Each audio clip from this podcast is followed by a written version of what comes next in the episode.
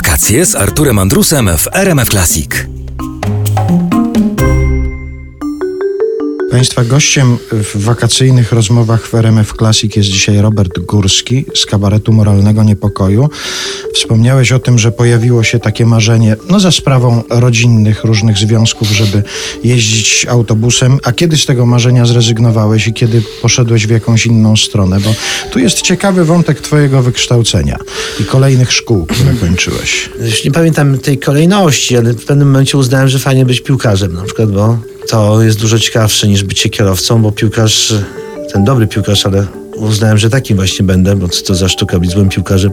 Więc uznałem, że będę dobrym piłkarzem i będę podziwiany właściwie przez cały świat, bo lata mojego dzieciństwa to były triumfy piłki nożnej polskiej. Ale grałeś ja- w jakimś klubie? nie, do tego nie doszło, bo ch- chciałem się zapisać do Poloneza Warszawa, gdzie mieszkałem niedaleko, ale co tam nie poszedłem, to tylko chcieli mnie zapisać na judo. A judo absolutnie mnie nie interesowało, bo widziałem, jak oni mają ci judocy sprasowane uszy. Oni nie mają uszu, to takie blachy. A może to na głowie. w związku z wyglądem chcieli cię zakwalifikować do judo? Nie, chyba po prostu sekcja judo była prężniejsza i może było łatwiej tę, dyscyplinę uprawiać, bo wystarczyła mata i jakiś ten strój, to kimono, a piłka nożna to już grubsza sprawa. Pamiętam, też kiedyś gonił tam jakiś strażnik, kiedy weszliśmy niechcący na murawę, a potem się nagle zorientowałem, że już jestem za stary i wszystko szlak trafił.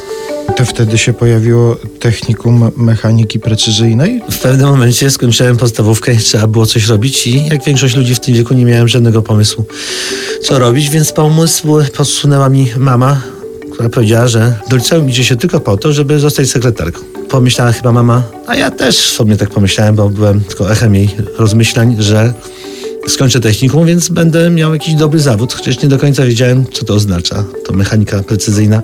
A co to oznacza? To oznacza, że szlifuje się jakieś elementy z dokładnością do jednej tysięcznej na przykład, czyli większą, dużo większą tolerancją niż to ma miejsce w zegarku, który masz na ręku. Miałem tutaj warsztaty na ulicy Grochowskiej w WSK, czyli w Wytwórni Sprzętu Komunikacyjnego i robiłem jakieś podzespoły do helikopterów. Radzieckich, mówmy wprost. Chyba innych nie było wtedy na tym terenie, a jeśli był, to znaczy, że to wróg. Nie mieliśmy wtedy innej Polski, Artur. Ja wiem, ale to już druga rzecz wychodzi w trakcie tej rozmowy. Po pierwsze, skorumpowany biletami UEFA Euro 2012. Poza tym robił części do radzieckich śmigłowców. No tak, ale historia o naszej absolutnej nie- niezależności i jakiejś osobności od świata to są fikcją. Jednak żyliśmy w pewnym systemie. Ten system, tego chcieliśmy czy nie, wciskał nam obudowy do wariometrów, które trzeba było szlifować.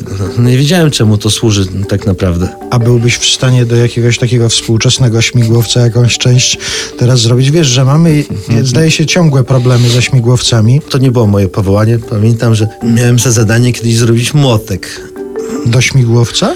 Być może to zależy już od tego człowieka, który ten młotek trzymał. Młotek, jak wiemy, nie jest zbyt precyzyjnym narzędziem, a mimo to nie udało mi się jego zrobić na tyle precyzyjnie, żeby poddać się ocenie, y, bo to trzeba zachować te powierzchnie jakieś równoległe i prostopadłe. Tak długo szlifowałem ten młotek, aż okazał się o centymetr za krótki, więc kolejne przestępstwo. Ukradłem młotek, czy ukradłem, wziąłem młotek już oceniony od kolegi, który miał większą smykałkę do tego i on dostał za ten młotek czwórkę plus, a ja dostałem czwórkę za ten sam młotek, który on zrobił. Może dlatego, że oddałem go później. I trochę był cieńszy, bo musiałem zaszlifować jego wygrawerowane nazwisko. Masz ten pamiątkowy młotek ze szkoły? Ze swoim Niestety. wygra- wygrawerowanym nazwiskiem? Nie? Niestety wchłonął go perelowski przemysł. Nie wiem, jakie są jego losy. Zakładam, że gdzieś tam pewnie jest, bo takie rzeczy no, nie giną tak szybko. Wakacyjne rozmowy Artura Andrusa. Dziś Robert Górski. Wracamy za chwilę. Zostańcie z RMF Classic.